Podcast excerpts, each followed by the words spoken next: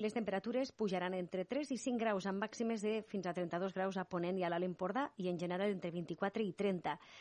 De moment, cap de setmana amb molta incertesa, amb possibilitat de pluges i núvols a bona part del de Catalunya i durant la tarda. Notícies en xarxa. Aquest estiu, obert per vacances. Cada matí, de 9 a 11, a la teva ràdio local. Amb Manel Ferrer. M'he despertat d'aquest somni i em costa de creure. Han passat tres dies i tu ja no hi ets. Quin estiuet més idíl·lic i ara no et puc veure. No pujaràs més fins que arribi l'hivern. No sé prou bé com tornaràs. 1 de setembre, s'acaba l'agost i tots tornem a la rutina. És també un dia de deixar enrere costums de l'estiu i moments que ens han permès ser feliços durant uns dies, això sí, amb el record i amb un bon somriure cada cop que ens en recordem d'aquest moment. Tot plegat és un eufemisme per acabar parlant d'aquest programa, l'Obert per Vacances, i que us ha estat acompanyant un estiu més a la vostra ràdio local. Jo començo la pel·lícula pel final, pels crèdits, aprofitant aquests minuts que tinc cada matí per obrir aquesta finestra i parlar amb vosaltres. Com diu la cançó, aquesta que escoltàvem ara, ha estat un estiu molt idíl·lic i, a més, de veritat. L'Obert ha estat tot un repte per mi, un repte apassionant i que m'ha fet acabar d'enamorar-me del tot d'aquest projecte. Els que ens seguiu des del principi sabeu que vaig començar com a reporter i aquest any, i segurament circumstancialment, com a conductor del programa. Primer de tot, gràcies a les més de 60 ràdios, xifra rècord, que han apostat per nosaltres, per l'Obert, i s'han sumat a aquesta festa amb els ulls tancats. Que important i que ric aquesta suma de freqüències i de realitats concentrades en aquest magazín d'estiu. M'agrada poder viure amb tu aquesta locura. Una experiència única, molt enriquidora i que m'ha permès treballar amb persones que han estat tot un gran descobriment. Haig de donar les gràcies als meus caps de la xarxa, el Didac i per la confiança, i quan dic confiança és amb el sentit més ampli de la paraula. No sabeu amb la llibertat que he treballat i les comoditats que he tingut per poder fer i desfer. Gràcies. Aquest fer i desfer, lògicament, no hauria estat possible sense la bona feina de la productora del programa, Laura Prilló. Tampoc hauria estat possible sense la complicitat dels tècnics del programa, el Carles Soler i el Marçal Sacé, que s'enriguin de les xiques del cable. Ells sí que han fet anar fer i desfer cables i connexions amunt i avall durant tot l'estiu perquè a casa no us perdéssiu res de tot el que passava a Catalunya. Quin goig comptar amb els coordinadors de continguts de Ràdio L'Escala i Badalona Comunicació, amb la Cristina Cantal i l'Àngel Hernández al capdavant, sempre ben acompanyats de l'Abel Font i del Sergi Corral. També m'emporto de tot això la capacitat de feina de la Núria Cartanyà al capdavant dels podcasts que heu sentit durant tot l'estiu i l'alegria que desprèn fins i tot en els moments més àlgids. Des de Tarragona, també gràcies al Pep Sunyer per acompanyar-nos. També hem de donar les gràcies al Pau Vázquez i al Víctor Córdoba per la feina de les xarxes socials i gràcies a tots els redactors i redactores de les 60 emissores d'arreu del territori i que heu estat els nostres ulls i veus allà on no hi érem. En especial gràcies al Miquel Giol i a l'Eudal Puig per sortir cada dia al carrer a la cerca dels temes més curiosos. I ens hem de recordar també de l'Àlex Riba per aquesta agenda sempre il·lustrada amb els seus testimonis i també gràcies per ser un Aitaner que passarà a la història. Ja vaig acabant, ho prometo, i quin descobriment l'Anna Gasol des de Lleida, una còmplice molt necessària i una futura amiga que espero ja per sempre. I deixeu-me que em reservi aquestes darreres línies per agrair la feina també de la Gemma Ponce per ser la meva mà dreta en tota aquesta aventura, la persona que no ho sabeu però que està darrere de tots els vídeos que hem anat publicant a les xarxes i que a més ha fet una feina exquisida en la producció del directe. Et trobaré molt a faltar. I clar, lògicament, gràcies als meus companys de Premià Mèdia, al meu cap, Francesc Triola, i mil gràcies a la meva amiga Rocío Santa Eufèmia per la teva generositat i per dir-me que ni m'ho pensés i que agafés aquesta oportunitat. Ets molt gran i t'estimo i gràcies a tots vosaltres, els que esteu a l'altra banda, gràcies per acompanyar-nos. No sabeu lo feliços que ens heu fet aquest estiu sabent que estàveu a l'altra banda acompanyant-nos. Ara sí, som-hi amb aquest últim obert per vacances d'aquest estiu 2023.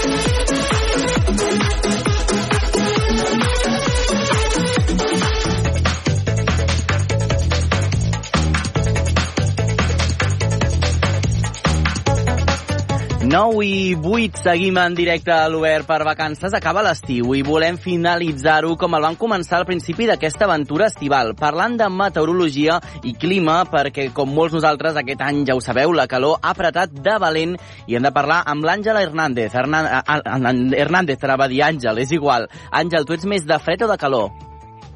Ah, perdó, perdó, espera, que, mira, últim dia de programa i ja ho havia de fer malament. És a dir, eh, estic començant, és el meu primer dia gairebé, hem d'anar amb el Miquel Giol directament eh, cap a Vic. Miquel, com estàs? Bon dia. Doncs bon dia, Manel. No passa res, tothom s'equivoca. Home, però l'últim dia content. jo volia que em quedés bé, Miquel, i m'està quedant ja un desastre aquest darrer programa. Però no passa res, anem cap a Vic i tinc la curiositat de saber si ja t'has acabat tots els fuets.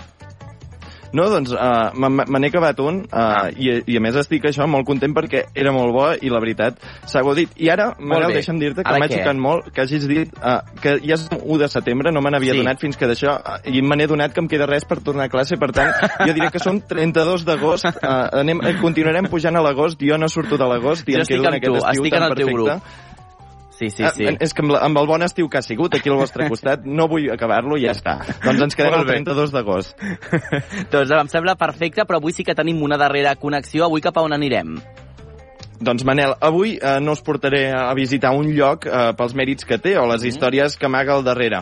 Us portaré a un lloc, eh, però per conèixer una cosa, una cosa que fa anys que és a Vic i que cada cop és més important. Perquè tu, mm. Manel, eh, quin tipus de música escoltes? Ui, jo sóc eh, molt de...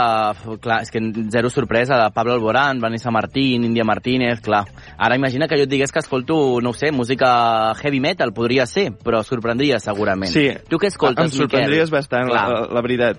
Jo, uh, jo sóc més de la música catalana i, i tot això, eh? però um, amb aquests estils que tant t'agraden sí? i també uh, hi ha una miqueta tota aquesta barreja que tenen, uh, potser amb la connexió d'avui encara et venen més ganes de venir cap aquí oh. a Osona, però t'hauràs d'esperar uh, després per descobrir què és exactament. I com pots suposar, uh, només puc afegir que la connexió d'avui anirà destinada a la música. Molt bé, doncs ens quedem amb aquesta pista, ens anirà perfecta una connexió dedicada a la música en aquest darrer obert per vacances. Doncs uh, d'aquí una estona, Miquel, tornem a connectar amb tu.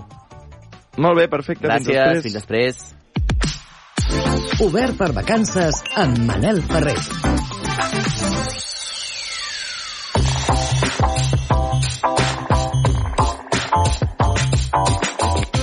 I ara sí, ara sí, 9 i 11, deixem que acaba l'estiu i volem finalitzar-lo com el van començar al principi d'aquesta aventura estival, parlant de meteorologia i clima, perquè com nosaltres aquest any la calor ha apretat de valent. I ara el saludem ja, Àngela Hernández, com estàs? Molt bon dia, Manel, com estem? Molt bé, molt bé. Has vist que t'he saludat el primer de tots, Àngel, eh? Clar, aquí ja has marcat clarament el teu favoritisme, no t'excusis, que Mira tenies moltes, ganes de, tenies moltes ganes de parlar amb mi. Ho sé, no passa res. Exacte, m'he delatat del tot. Àngel, t'anava a preguntar abans si tu ets més de fred o de calor. Jo la veritat que sempre he tolerat millor la calor, però aquest any ho he passat molt malament. Està molt però complicat. molt, molt malament. Estava molt complicat, sí, sí. Sí, i és que parlant de metodologia i com parlàvem, sí. doncs de, de tanta calor que ha fet i tan poques pluges que hi ha hagut, doncs ha ocasionat que gairebé el, tot l'estiu Catalunya es trobés sota el pla alfa. I tu em preguntaràs mm. què és aquest pla. Què és doncs aquest pla? És un, doncs és un dispositiu operat pels cos d'agents rurals de vigilància, prevenció i control de risc davant les situacions de perill d'incendi forestal. Malauradament, localitats com Portbou, Colera i Tivissa són ciutats que han estat atiades doncs, pel foc aquest estiu.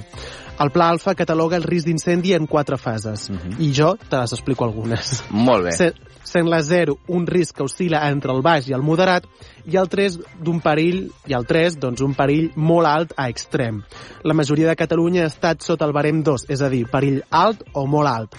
Aquest estatus fa que a menys de 500 metres d'un terreny forestal estigui totalment prohibit la crema de restes vegetals, la pirotècnia i les barbacoes. Ja us vaig, portar, us vaig portar una vegada una mm -hmm. nutricionista per parlar de barbacoes. És veritat. Doncs està prohibidíssim. Molt bé, doncs Però... queda important, és important dir-ho, eh, que estan prohibidíssimes encara a dia d'avui.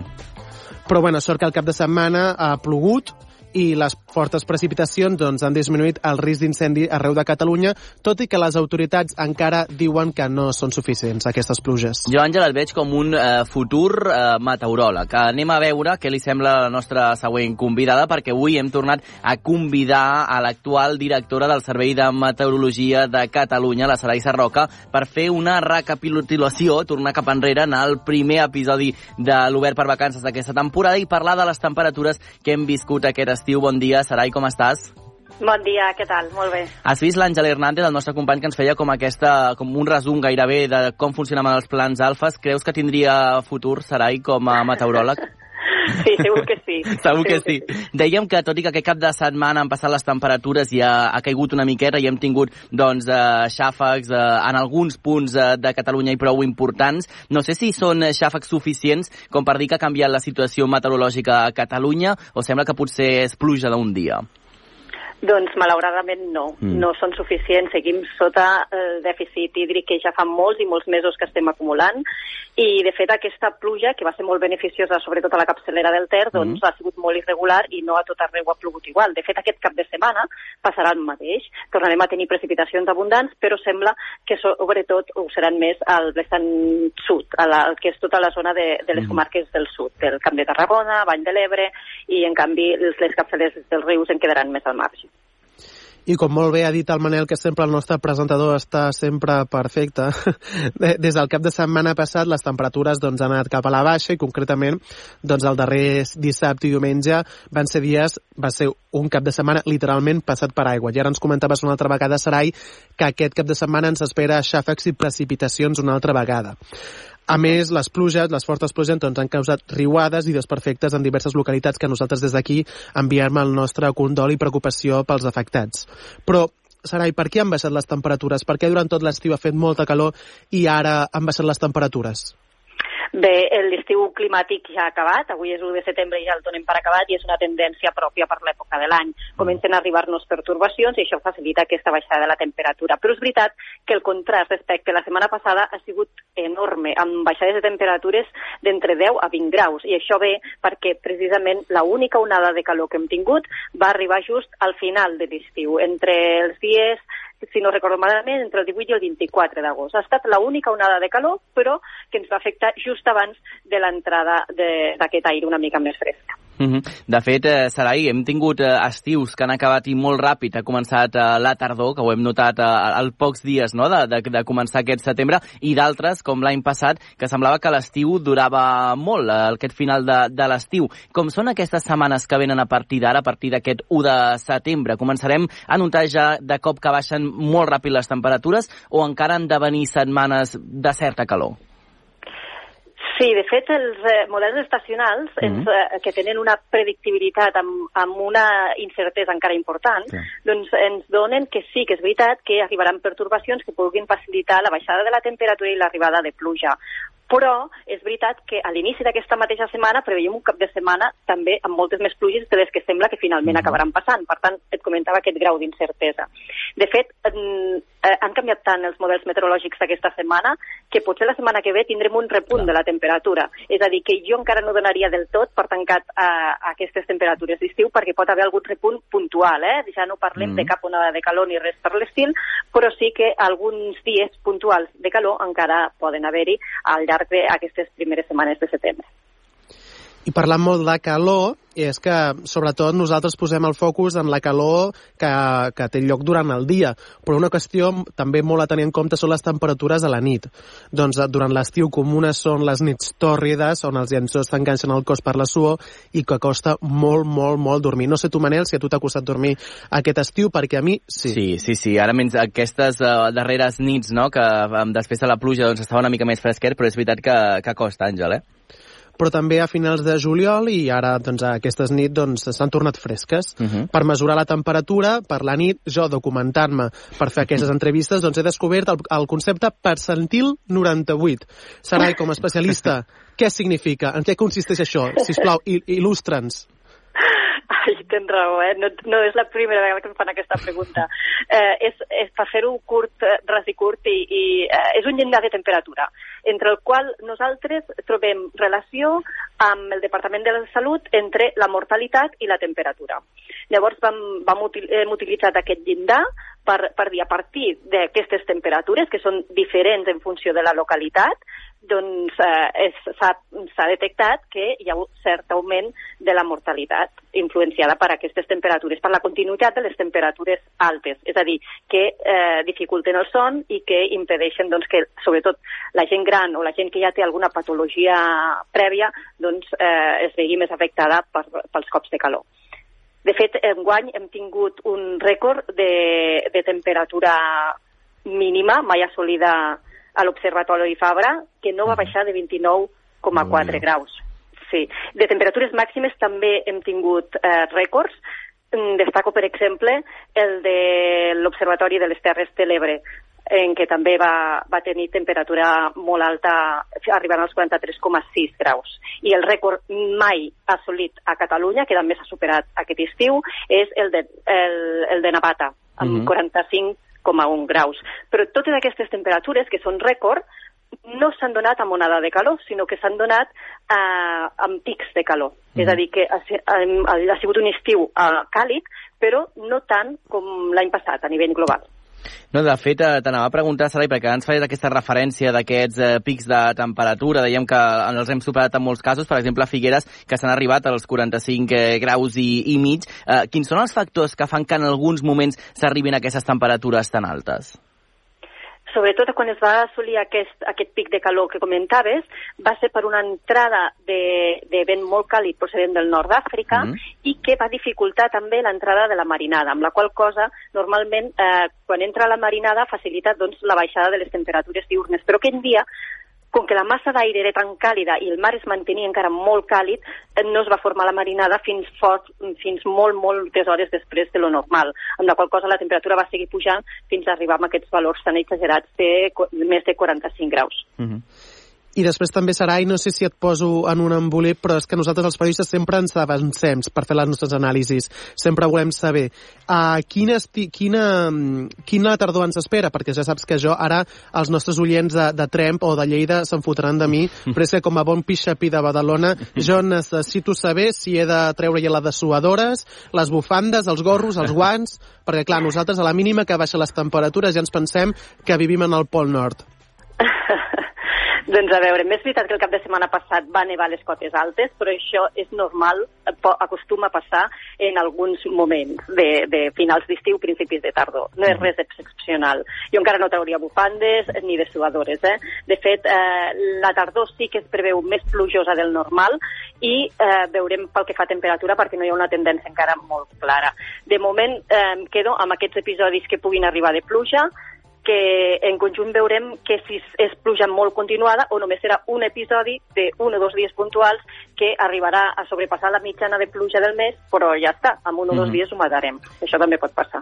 Doncs veurem també cap a on ens porta tot plegat. Moltes gràcies a la Sarai Sarroca, actual directora del Servei Meteorològic de Catalunya, per atendre una altra vegada, per segona vegada en aquest estiu, a l'obert per vacances. T'haig de demanar, Sarai, abans d'acomiadar-te, que ens ajudis a escollir un número entre l'1 i el 60 que serà el número guanyador del nostre últim darrer sorteig de la cançó de l'estiu. Serà i el número que més t'agradi o que més mania li tingui salut al 60.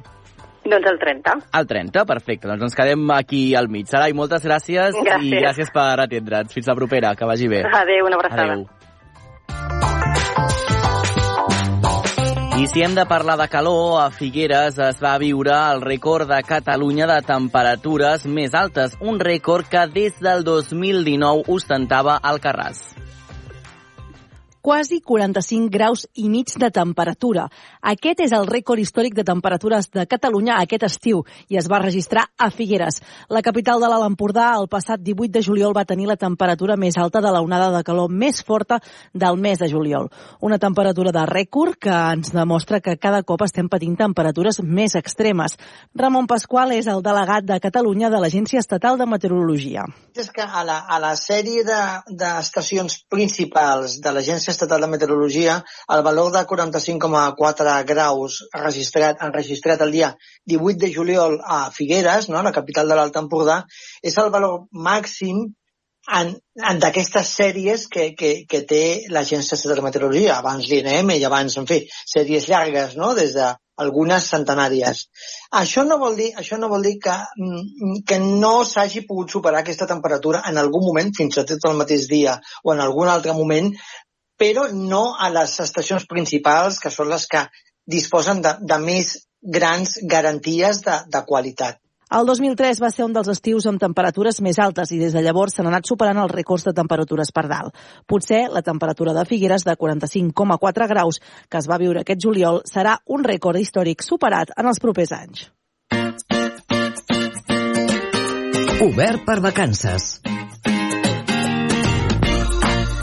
9.23, 7 minuts per arribar a dos quarts de 10 del matí. Seguim endavant a l'obert per vacances. Aixacular vol dir treure les males herbes dels conreus. Ho acabo d'aprendre també mentre ho llegia. Eh? Si teniu hort o jardí, ho haureu de fer moltes vegades, però què n'heu de fer amb aquestes males herbes? Us heu plantejat algun cop si es poden menjar?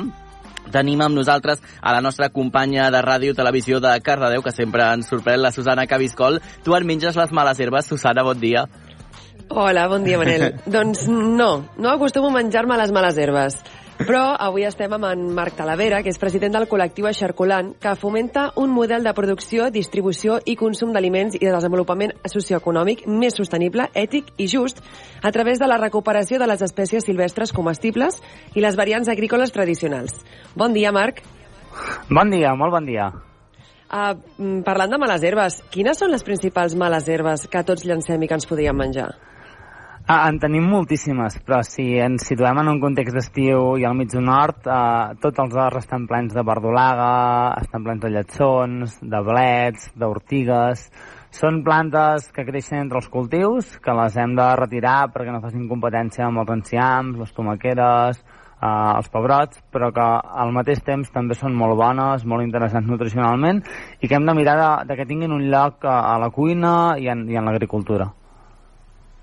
Doncs eh, avui també hem conegut eh, aquesta iniciativa. Ens podries explicar una mica un exemple de com podem incorporar aquestes plantes, eh, Marc, aquestes plantes silvestres a la nostra dieta diària, en el nostre dia a dia?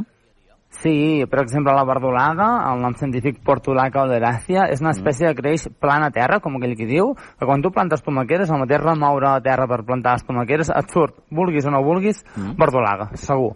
Fa unes tiges eh, gruixudetes, d'un centímetre de diàmetre aproximadament, vermellosetes, unes fulles carnoses, resisteix extremadament bé a la sequera, i la verdolaga te la pots menjar amb amanida, amb una mica d'enciam, amb tomàquet, te la pots menjar amb vinagre, com un encurtit d'aperitiu, la pots fer estofada amb cigrons, és deliciosa, en pots fer una truita, la pots incorporar amb un gazpacho, amb un suc verd... Uh -huh. uh, les possibilitats que té són, són infinites, i estem parlant només d'una planta.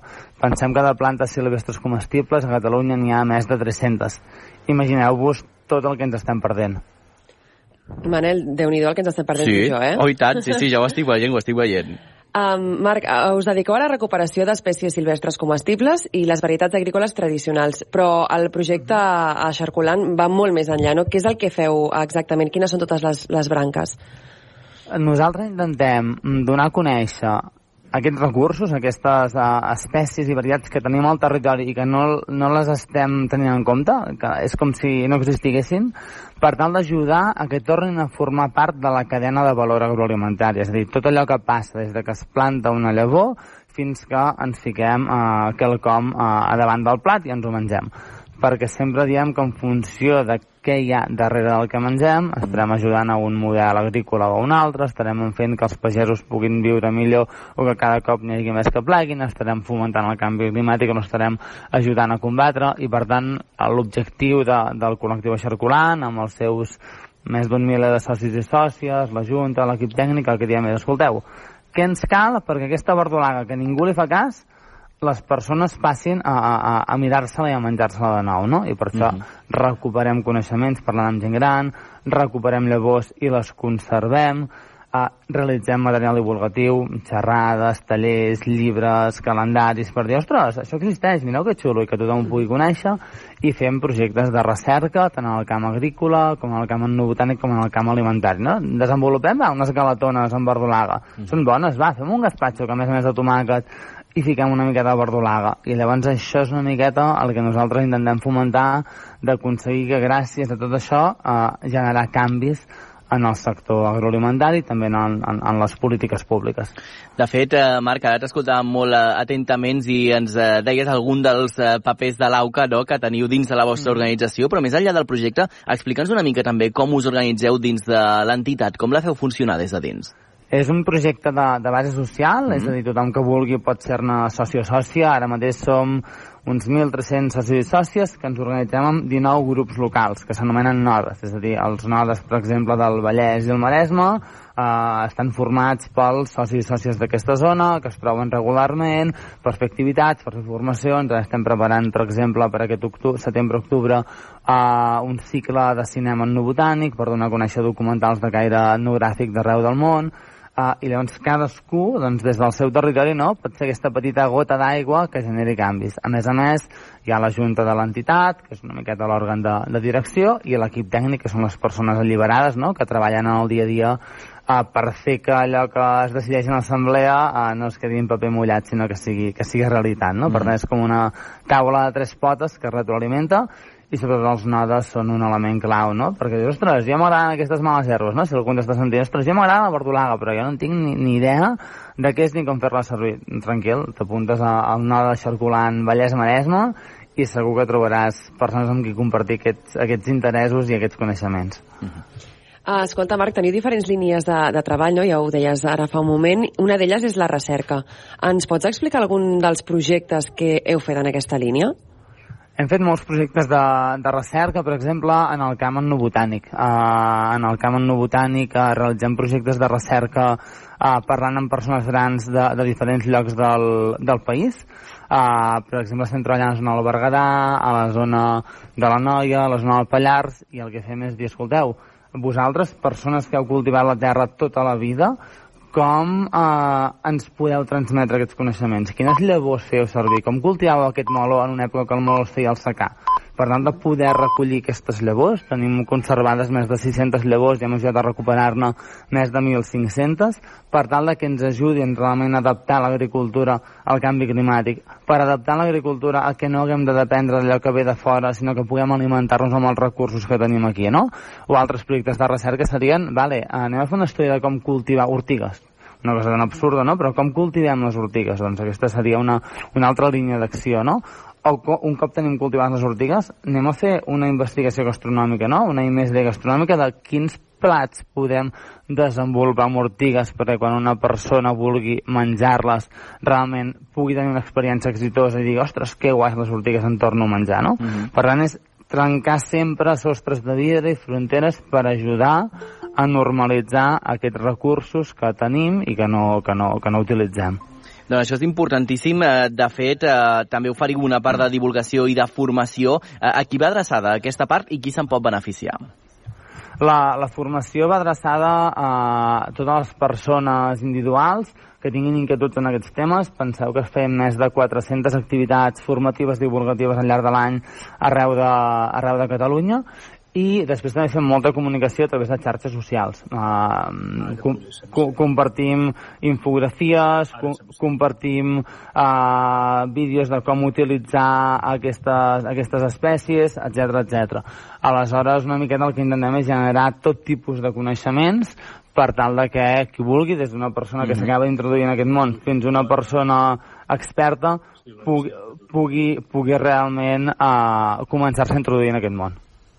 Uh, Marc, i de quina manera, tota aquesta gent que, que ens està escoltant avui, de quina manera podem formar part de, del, del col·lectiu Aixarculant? Com ho, com ho hem de fer si volem formar part? És, és molt senzill, entreu a la pàgina, a la pàgina web de Xarculant, www.xarculant.cat o ens seguiu a xarxes socials, arroba xarculant, i aneu a l'espai de fer-vos socis, podeu fer socis o sòcies, la quota és molt simbòlica, és de 40 euros l'any, teniu molts avantatges a nivell de participar en els òrgans de decisió, en l'assemblea, proposar activitat i descomptes en les diferents propostes d'activitat, i sobretot fer, fer part d'aquests nodes eh, que realment és l'estructura clau del, del projecte. Uh -huh. uh, I també, doncs, per exemple, possibilitat de participar amb avantatges a la jornada gastronòmica de les plantes oblidades, que fem ara el 7 d'octubre, que és un esdeveniment anual que s'organitza cada any a Igualada uh, i on trobarà doncs, tothom que hi vingui més de 100 activitats per donar a conèixer aquestes plantes oblidades. Doncs quedem tots eh, convidats. Gràcies, eh, Marc Talavera, president del col·lectiu Eixarculant, per passar avui també per l'Obert per Vacances.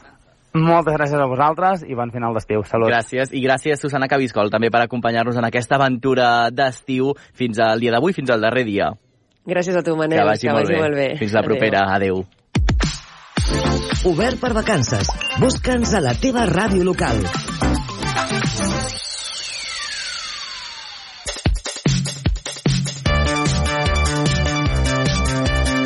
Passen 3 minuts a dos quarts de 10 del matí. Banyar-se a la piscina, al mar o al riu és una de les formes més eficaces que tenim per refrescar-nos a l'estiu. Avui el periodista Pau Duran de Ràdio Sabadell parla amb Ferran Fuentes, cap del grup d'actuacions especials sud dels bombers de la Generalitat, de totes aquelles idees de bombero que no hem de tenir quan eh, ens posem i entrem a l'aigua. Aquestes idees de bombero, ja ho sabeu, les podeu trobar totes a la xarxa més. Idees de bombero. Guia pràctica d'allò que no s'ha de fer mai si es vol evitar accidents. El bany és un dels millors mecanismes per refrescar-nos davant les altes temperatures i la xafogó. Però mars, rius i piscines també comporten els seus perills específics. Avui, en Idees de Bombero, ens preguntem què és el que no hem de fer mai quan anem a l'aigua? Doncs, bàsicament, eh, intentar sempre nedar en companyia d'altres persones, és a dir, no banyar-nos sols, a respectar el color de les banderes a nivell de platges i sobretot els saber eh, pertinents dels socorristes. També és recomanable eh, no banyar-se després de fer un, un exercici físic d'alta intensitat i sobretot amb el tema dels infants tenir una supervisió eh, de les persones adultes o dels tutors que estiguin amb ells. En parlem amb en Ferran Fuentes, cap del GRAE Sud dels Bombers de la Generalitat de Catalunya. Gràcies per atendre'ns, Ferran. Hola, bon dia, què tal? Hi ha molts ofegaments aquest estiu o són els habituals? Doncs bé, la realitat és que eh, si només que consultis la premsa diària es comprova que realment eh, és una dades, són dades preocupants perquè hi ha un increment a nivell estadístic que bàsicament s'està produint any rere any i la realitat és que, per exemple, l'any 2024 a Catalunya hi van haver 44 mm, morts, 30 mm, a les platges i 14 en piscines, i ara actualment estem amb una xifra amb, amb de 24 persones a, a Catalunya a nivell de platges. Eh, la realitat és que nosaltres el que estem comprovant és que cada any pugen aquestes estadístiques. Què ens has dit, la, la dada de l'any anterior, Ferran? 2022? Sí, l'any 2022 a Catalunya 44 morts, a 30, 30 ofegaments a platges i 14 a piscines.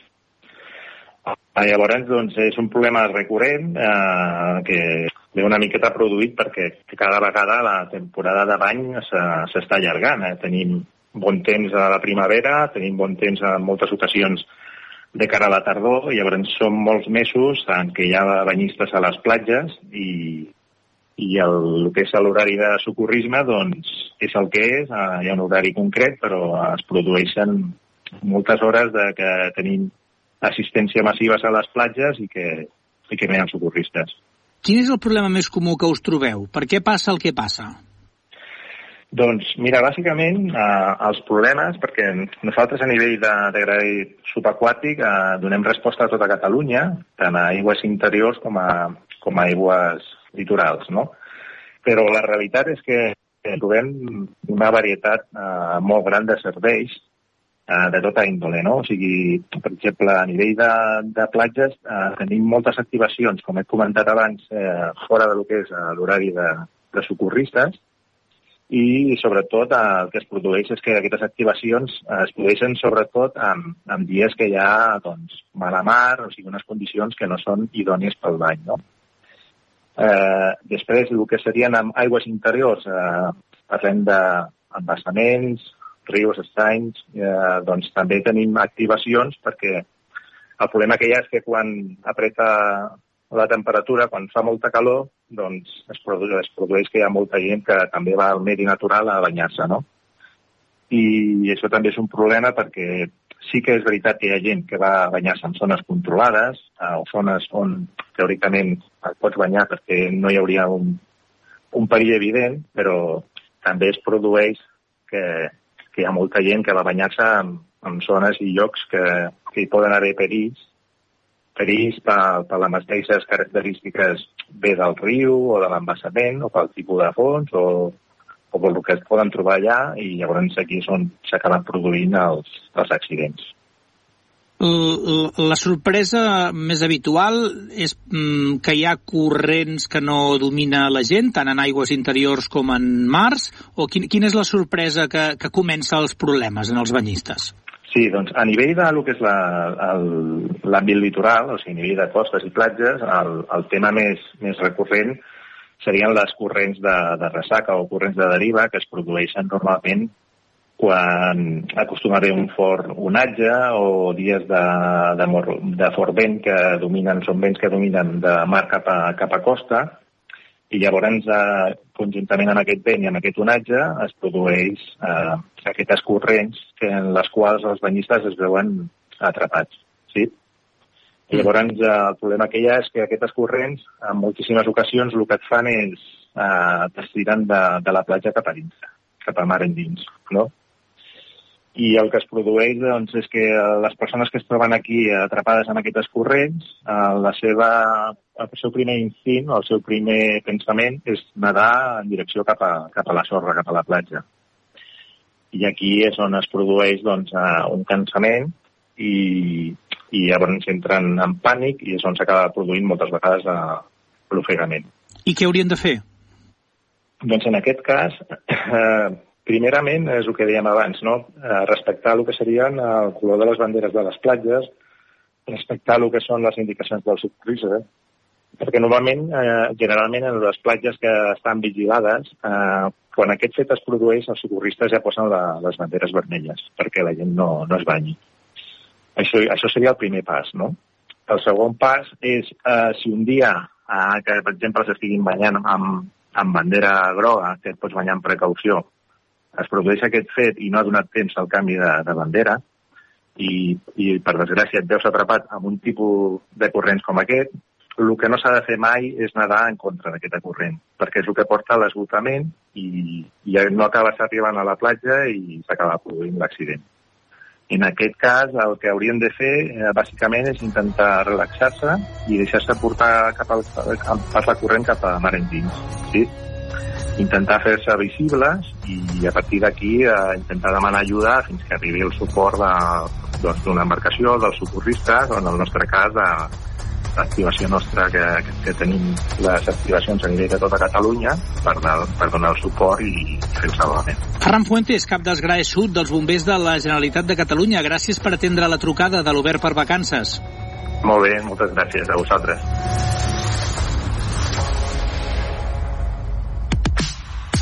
Obert per vacances. A la platja, a la muntanya, a la teva ràdio local i també a la xarxa més.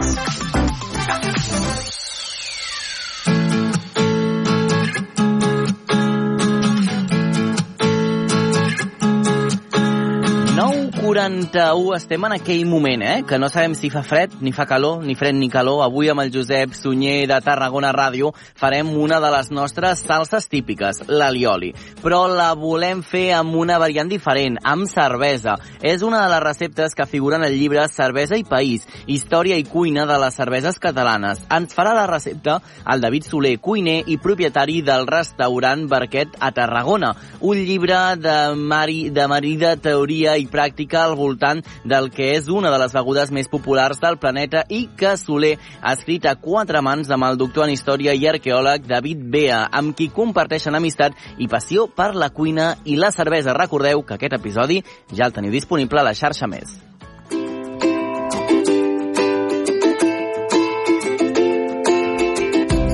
Ni fred ni calor. Què fem?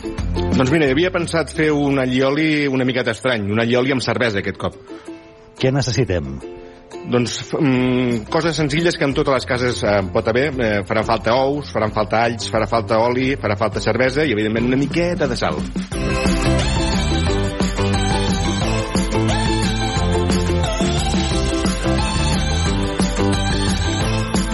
Avui ens acompanya el David Soler i hem vingut al restaurant Barquet, un restaurant eminentment eh, mariner d'aquí de, de Tarragona, al carrer Gasòmetre, i autor també de llibres com per exemple aquest, eh, que avui té a veure la recepta que farem, cervesa i país, història i cuina de les cerveses catalanes, però també autor de la cuina dels pescadors de la Costa Daurada, o d'un que es diu Tocats del Bolet, amb l'Eudal Carbonell i el David Soler. David, bon dia. Hola, què tal? Bon dia. Avui ja ple, ple fogó ja, pràcticament de cara doncs, a fer el, el halal al dia i parlant això, eh, d'un producte que com és la cervesa, que en tenim de moltes i de molt bones no? i molt variades, i un plat que és fred, no? Sí, de fet, aquest plat, mm, aviam, nosaltres com a societat eh, tarragonina tenim costum d'acompanyar les, les, les menges marineres moltes vegades amb allioli, no? Però clar, mm, a vegades allioli se'ns queda curt, eh, com ha sigut en el cas quan, a l'hora de fer el llibre, hem cregut oportú fer un allioli diferent, un allioli amb cervesa, per donar un altre toc especial als nostres plats. Abans dèiem els ingredients que ens caldran, i, però per començar a fer-lo, què és el primer que necessitem a nivell de, de material? Mira, per seguretat, eh, com que és eh, època de, de, de calor, jo mm, quasi que diria de fer servir ou en pols, però clar, jo crec que ou en pols a, a totes les llars no se'n troba, per tant farem servir un ou normal farem servir un ou normal, tenint en compte que els ous quan se manipulen, després, quan acabes de fer, el que hagis de fer amb, amb ou cru, ho has de ficar de seguida a refrigerar per baixar de seguida la temperatura. Bueno, per fer la, la, la, la llioli farà falta ous, en aquest cas agafarem un de, de, de cru, mm, posarem tres, tres allets eh, crus, pelats, eh, oli, mm, que cadascú faci com vulgui, meitat eh, girassol o meitat oli d'oliva, o una miqueta més d'oli d'oliva que girassol, o a l'inrevés.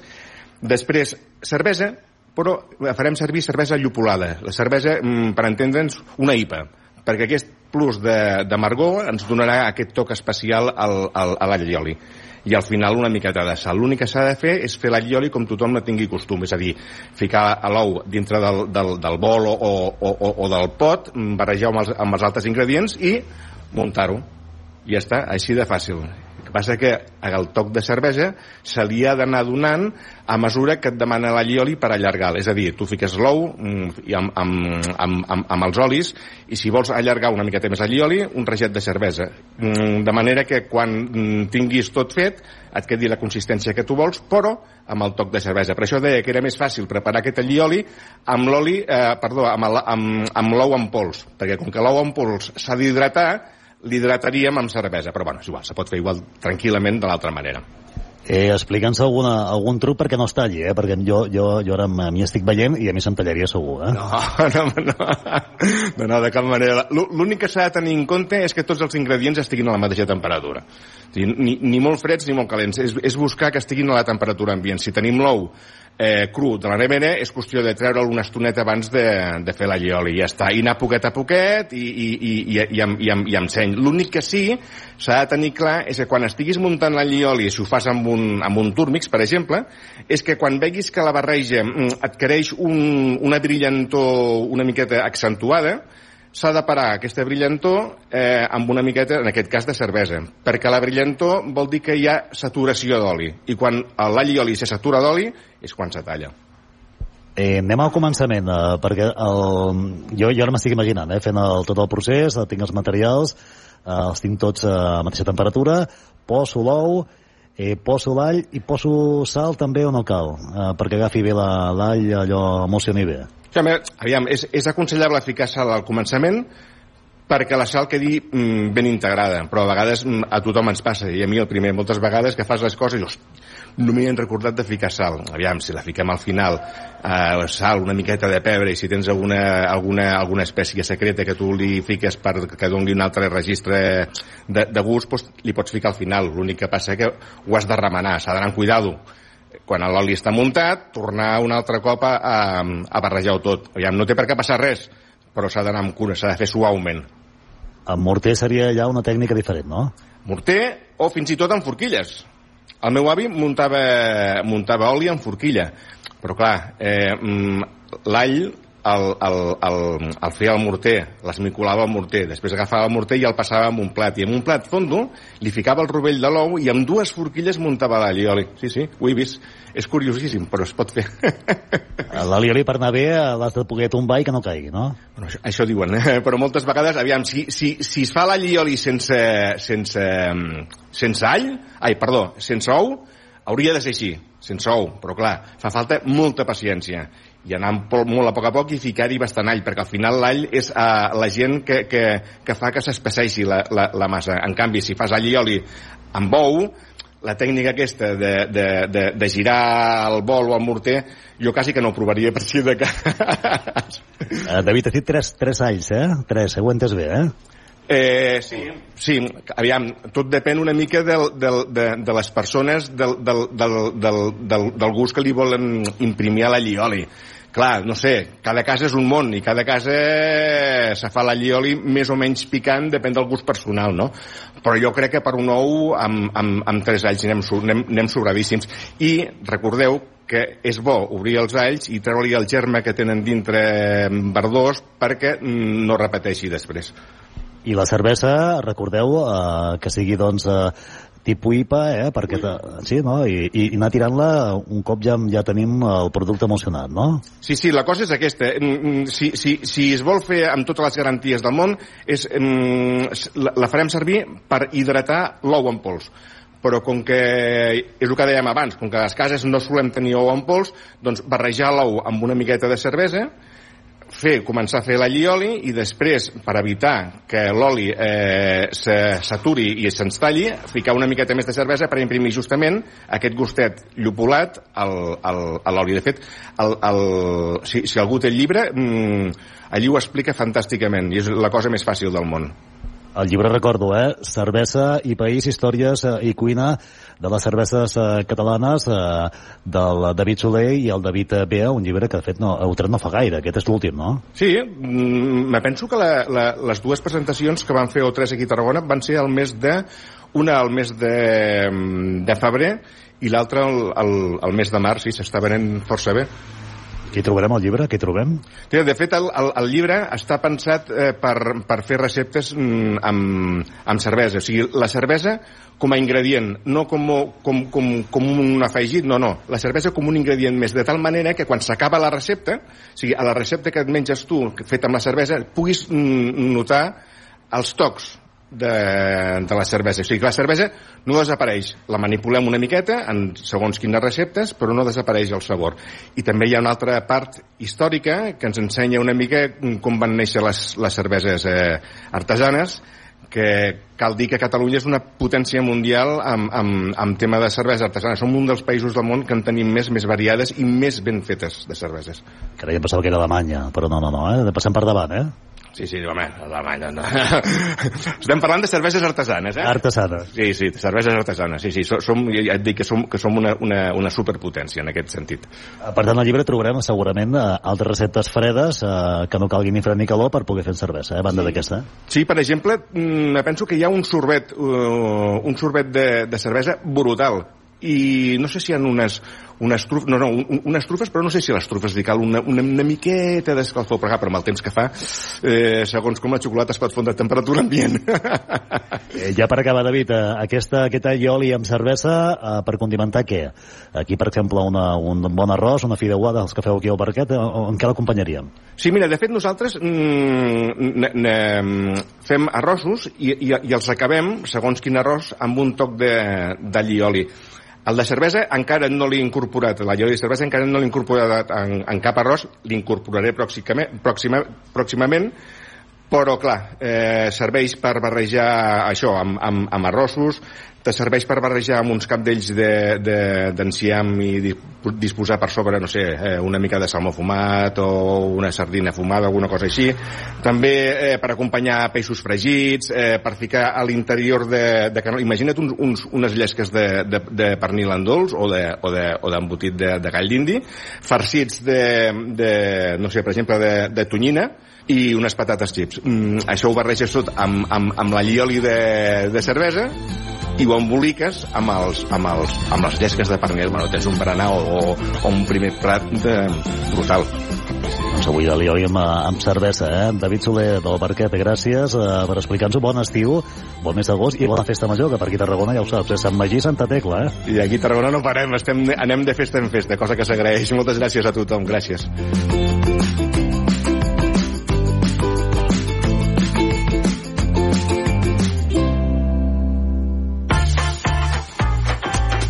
Obert per vacances amb Manel Ferrer. Falten 8 minuts per arribar a les 10 del matí i és el moment de saludar l'Anna Gasol. Bon dia, Anna, com estàs? Hola, Manel. Doncs amb una barreja aquí, sentiments sí, eh? trobats, eh? Sí, sí. Ara és un moment encara com de molt de pujada, no?, perquè estem encara en aquesta primera hora de, de l'obert, però és veritat que és un moment de celebració perquè tenim ja un guanyador o guanyadora del darrer sorteig de la cançó de l'estiu. Cert, que no ho eclipsi aquest si us plau. moment. Eh? ho fem com sempre, fem el, jo dic el número, fem el redoble de tambors i dius tu el guanyador o guanyadora? I tant. Doncs vinga, tot a punt, Marçal. Doncs vinga, el número guanyador de l'1 al 60, que ha escollit la Sarai Sarroc al principi del programa, ens ha dit que és el número 30, que correspon a... A la Montse de Molins de Rei. La Montse de Molins de Rei, moltes felicitats i la tenim amb nosaltres, em sembla, Montse, bon dia. Hola, bon dia. De Molins Estic de molt Rei. contenta.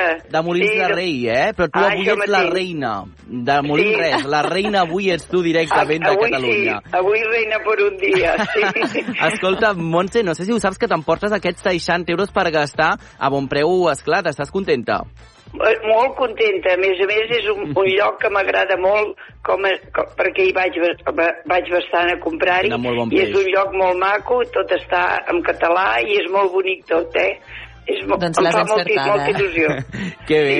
Escolta'm, sí. Montse, és la primera vegada que participaves? Em sembla que no, perquè m'ha No, sí, dit un no. ocellet que ets mítica de l'Obert, tu, eh? Jo, mira, de, des de que us escolto ja fa dos o tres anys que ho feu, Mm. sempre hi us he estat escoltant i he tingut molts premis, eh? M'heu regalat ampolles de vi, m'heu regalat Carai. el lot de Can Ametller, vull dir, molta Sí cosa. que és la reina, la Montse, Oh, i tant, sí, sí. Sí, sí, aquest any no m'havia tocat res, però Veus? el que m'ha tocat és el que més esperava, perquè em feia molta il·lusió. El darrer dia, eh? El darrer dia, molt bé. El- el Escolta, dia, doncs eh? com és l'últim dia, Montse, què, què t'ha semblat el programa aquest estiu? T'ha agradat? Pues molt, sempre l'escolto, sempre. És molt distret i parleu de moltes coses i m'agrada molt. Molt bé. Sí, sí. Doncs molta Trobarem a sort. faltar el Manel, a eh, que sí, Montse? Ah, Jo us trobava a faltar molt a tots vosaltres, també als oients. Uh, oh, i gràcies, nosaltres Montse. també, nosaltres també. Que vagi molt Va. bé, que acabis de passar un bon estiu. Igualment, i fins l'any que ve. Fins que l'any que ve. Si seu, I si seu, tornaré a escoltar-ho si sóc viva. Home, segur que sí, segur que sí, segur que sí. Que vagi molt bé i moltes gràcies, Montse, per participar. Al contrari, abraçada, a vosaltres. Adéu, una Una abraçada. abraçada, adéu, adéu, gràcies. Anna, eh, ja hem regalat el darrer premi que teníem, Ai, però il·lusió. sí, podem escoltar algunes de les respostes que ens han donat també, no? Sí, avui porto les últimes, Les aquelles últimes, darrere que m'han fet córrer, eh? Molt bé. Vinga. Hola, em dic Júlia i soc de Tarragona i per mi la cançó de l'estiu és Viva la vida de Coldplay. Adeu, bon Adéu. estiu. Per demanat bastant. Hola, em dic Rosa i sóc de Lleida. I la cançó d'aquest estiu per mi és la de Coti per Coti. Hola, sóc la Meritxell Anglès de Tarragona i Parla per mi català, eh? la cançó de l'estiu és qualsevol de Charango. Per exemple, Meravellós regal. Molt bé, Adéu. molt maca. Hola, sóc el Kiren de Premià de Mar i per mi una de les cançons de l'estiu eh, sempre serà La revolució sexual de la Casa Azul perquè em sembla una cançó superalegre. Doncs amb alegria. Adéu. Molt bé, genial, adeu, adeu. Doncs escolta, tenim moltes eh, cançons, amb quina marxarem? Què et sembla, Anna? Quina vols... Jo crec que per justícia hauria de ser el coti per coti.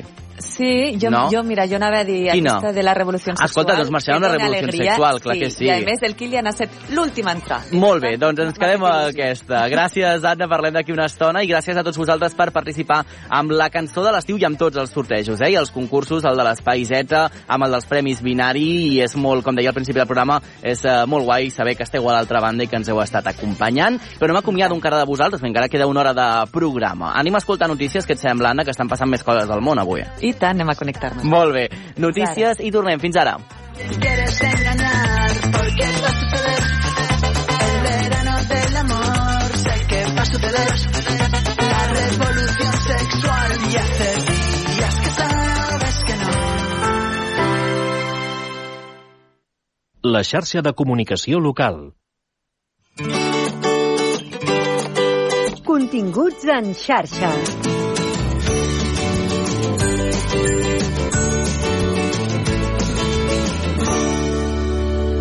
Aquesta setmana s'estrena Notes sobre un verano, un triangle amorós amb una dona al centre que ha d'escollir entre el cap i el cor.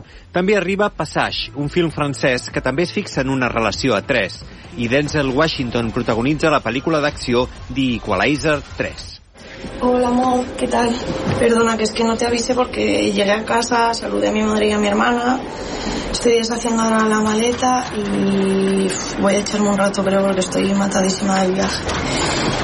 Y nada, te cuento de noche. A ver qué, qué tal, ¿vale? Y te pregunto cómo estás. Besito, te quiero mucho.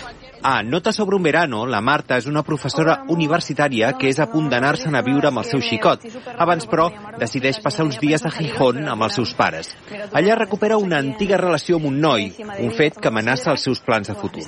La Marta haurà d'escollir entre allò que li diu el cap i el que li diu el cor. Hola, amor. Nada, que luego te cuento mejor, ¿vale? Eh, que ahora mismo estoy, estoy un poquito liada. Que nada, que yo también te quiero mucho, ¿vale? Que luego hablamos. Un besito. ¿Sabes lo que hice anoche? No, pero fuera lo que fuera, pareces muy excitado. Passage comença quan, durant l'últim dia d'un rodatge a París, el director de cinema Tomàs se'n va al llit amb la Gat, una noia que coneix a una discoteca. Quan el noi li explica al seu marit, en Martín, naixerà una relació apassionada entre tots tres, marcada per la passió, la gelosia i el narcisisme. No puedes cambiar a alguien como él. Lo que piensa, lo que quiere hacer. Nueve segundos. Es lo que te doy para decidir tu suerte. Denzel Washington protagonitza The Equalizer 3. És en Robert McCall, un antic assassí del govern que vol oblidar el seu passat en una petita localitat del sud d'Itàlia. Allà fa amics, però ràpidament descobreix que es troben sota el control dels caps del crim local. Quan els esdeveniments es compliquen, en McCall entén què ha de fer, protegir els seus amics enfrontant-se a la màfia. La policía ha encontrado varios cadáveres en una granja de Sicilia. ¿Has sido tú?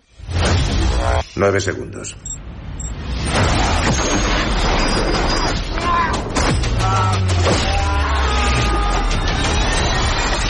¿Tengo pinta de asesino?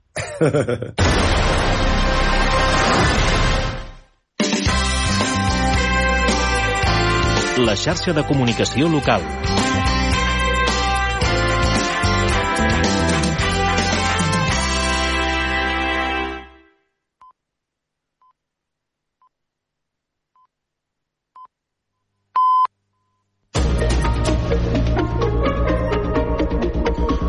Notícies en xarxa. Bon dia,